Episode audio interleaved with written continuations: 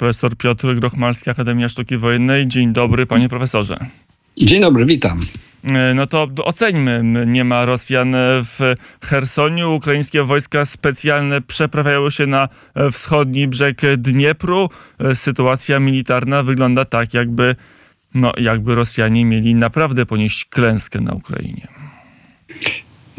Te, ta kwestia e, ponoszonych wielkich katastrof militarnych to jest fakt poza dyskusją, ale ta katastrofa czy klęska z punktu widzenia Moskwy, natomiast ogromny sukces operacyjny sił ukraińskich jest po pierwsze konsekwencją bardzo realistycznie, a z drugiej strony bardzo nowatorsko zarysowanej tej operacji, którą dokonała Ukraina. Natomiast ma to ogromne konsekwencje w każdym wymiarze dla, dla Kremla i dla samego Putina. No, miejmy świadomość, że przyczółek hersoński przede wszystkim był poza wieloma innymi aspektami, był punktem dla ewentualnego dalszego ataku na Ukrainę. Innymi słowy, Putin, wydając ostatecznie zgodę na ewakuację z formacji z przyczółku hersońskiego, jakby zgadzał się na to, że jego zasadnicze, główne cele polityczne nie zostaną zrealizowane. No bo pamiętajmy, on konsekwentnie jednak dążył i dąży do zniszczenia państwa ukraińskiego, a przyczółek hersoński był no, fundamentalnie ważny z punktu widzenia dalszych operacji, nie tylko na Odessę, a więc stworzenie takiego mostu lądowego z Odessą, ale także wyprowadzenie uderzenia w głąb Ukrainy.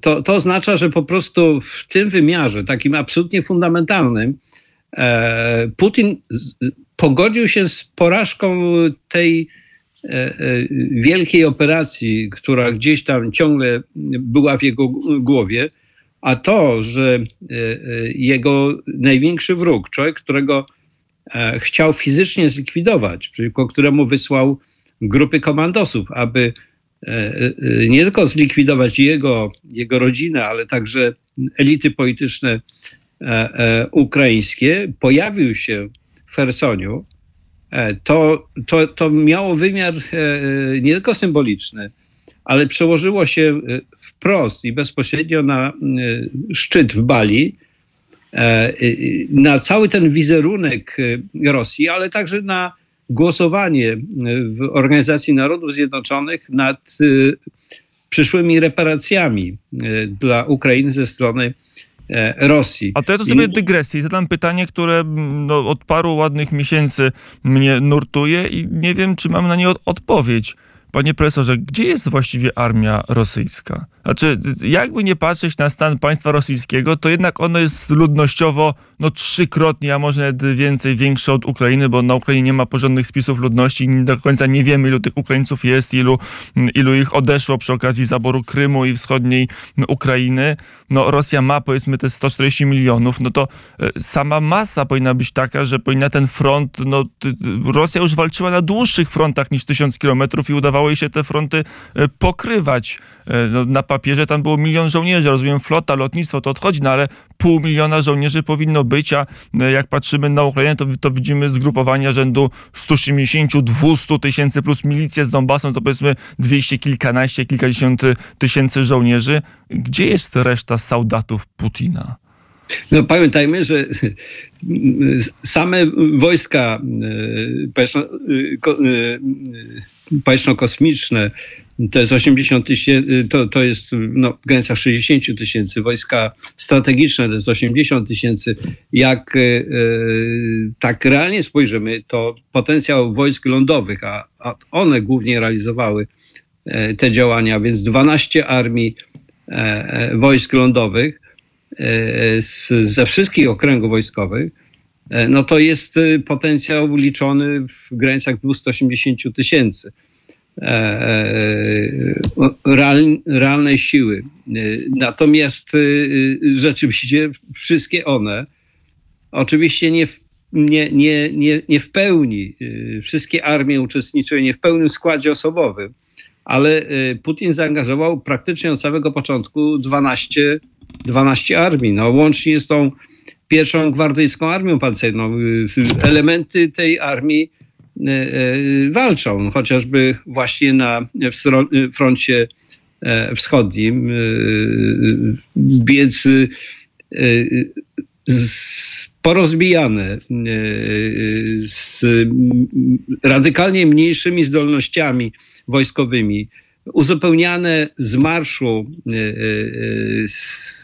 z jednej strony E, e, zmobilizowanymi żołnierzami, a z drugiej strony ochotnikami, one są systematycznie degradowane. No bo w istotnym stopniu formacje te zostały zdziesiątkowane czy rozbite już w pierwszej fazie. Tak było chociażby z pierwszą gwardyjską armią pancerną, która uderzała na Charków. To naprawdę w skali tego, co, co funkcjonowało wówczas w Europie, to ta pierwsza gwardyjska armia pancerna, dowodzona przez Kisiela, w tym głównie czwarta dywizja kantymirowska i druga dywizja tamajska, to był realny potencjał. To 500 czołgów, to jest to masa tego żelastwa, które miała zmiażdżyć i, i roznieść szczępy Ukrainę. I co tu dużo mówić, wystarczy czytać e, opracowania natowskie, które e,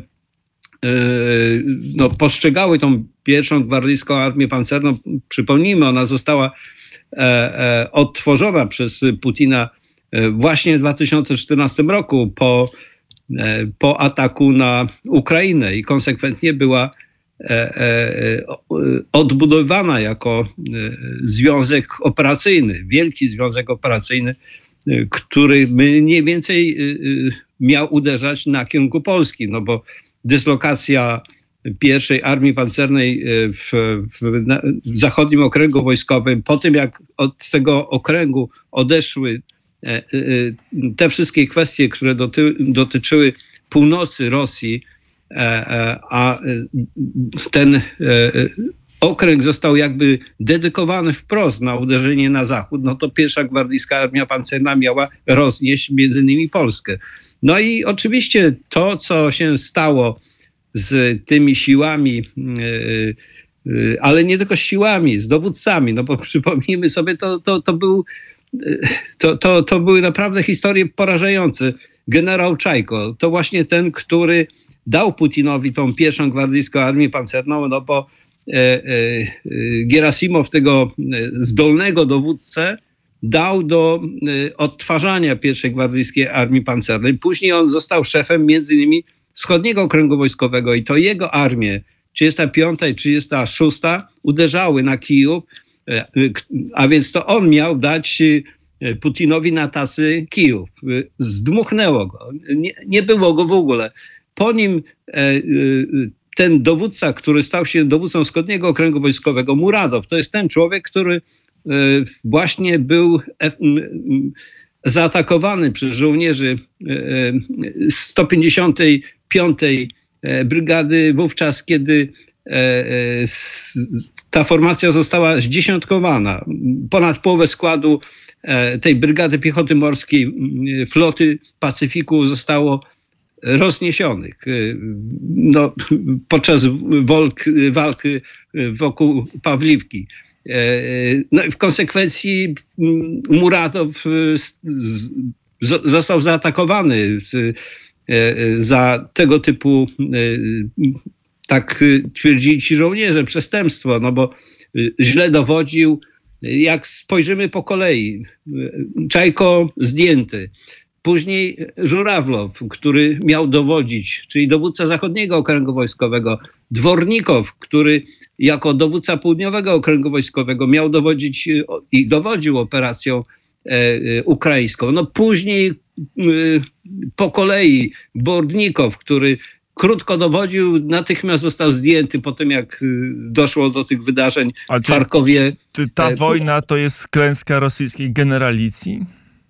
Y, Oczywiście, że y, y, to jest klęska nie tylko generalicji, ale oficerów średniego szczebla i całej logiki funkcjonowania armii rosyjskiej, gdzie nie ma elastyczności, gdzie jest ten pionowy układ władzy, gdzie na, na tym poziomie taktyczno operacyjnym brakuje po prostu kadry, kadry także podoficerskiej. I to zresztą wyraźnie Ale widać. to ciekawe, bo te pensje oficerskie i podoficerskie jak na Rosję były wysokie, mówili niezwykle wysokie, że pójście do armii, no pod warunkiem, że się zostaje takim prostym szeregowym, ale na niemalże każdym innym stanowisku to była atrakcyjnie, materialnie kariera w Rosji. E, To jest też e, kwestia do jakich sił, no bo e, e, wojska lądowe to, to był ostatni sort, tak naprawdę, z punktu widzenia właśnie hierarchii, e, z punktu widzenia e, kariery. e, To wojska, e, wszystkie inne e, były e, lepiej finansowane. I rzeczywiście ja już e, analizując e, przed laty te wszystkie plany e, modernizacyjne armii e, rosyjskiej do, dostrzegałem, że jest zasadnicza, no, gigantyczna e, różnica między przekazem e, medialnym, między tym, e, w co m, chciały wierzyć ośrodki analityczne na Zachodzie, a tym, co realnie było robione. Tam, tam naprawdę była ogromna e, e, luka informacyjna i jeśli się uważnie przyglądało przemysłowi zbrojeniowemu, e, ale także gigantycznej korupcji, która powodowała, że te pieniądze e, znikały, natomiast w realnym y, y, kształcie ten nowy sprzęt się w zasadzie nie pojawiała. Modernizacja dotyczyła e, starego sprzętu, zużytego sprzętu, który, którego podnoszono wartość bojową. To już panie profesorze, na koniec, bo czas nas e, pogania nieubłaganie. To skrócenie frontu, schowanie się za Dniepr jakkolwiek pomoże wojskom rosyjskim w wojnie na Ukrainie? E, No to jest, powtarzam, wielka katastrofa. Putin ma e, absolutny jakiś, e, e, no, szczególnie e, ważna jest dla niego e, Bachmut, operacja donbaska. E, To, to zresztą wynika z, moim zdaniem z, także z jego tej historycznej wizji, e, e, e, no ale także z ogromnego znaczenia gospodarczego tego regionu. Natomiast y, tutaj prze, przesunięcie części sił rosyjskich może spowodować y, jeszcze zwiększone parcie właśnie na kierunku Bachmut, ale jestem przekonany, że e, e, wojska ukraińskie przygotowują się do, do tego rozstrzygającego, e, rozstrzygającej batalii czy rozstrzygającego kontruderzenia, które jednoznacznie m, doprowadzi już do totalnej katastrofy armii rosyjskiej. E, Takie uderzenie przecinające na e, e, Melitopol byłoby no, w zasadzie już ostatecznym rozstrzygnięciem tej, tej wojny. Powiedział profesor Piotr Grochmalski, wykładowca Akademii Sztuki Wojennej. Panie profesorze, dziękuję bardzo za rozmowę. Dziękuję.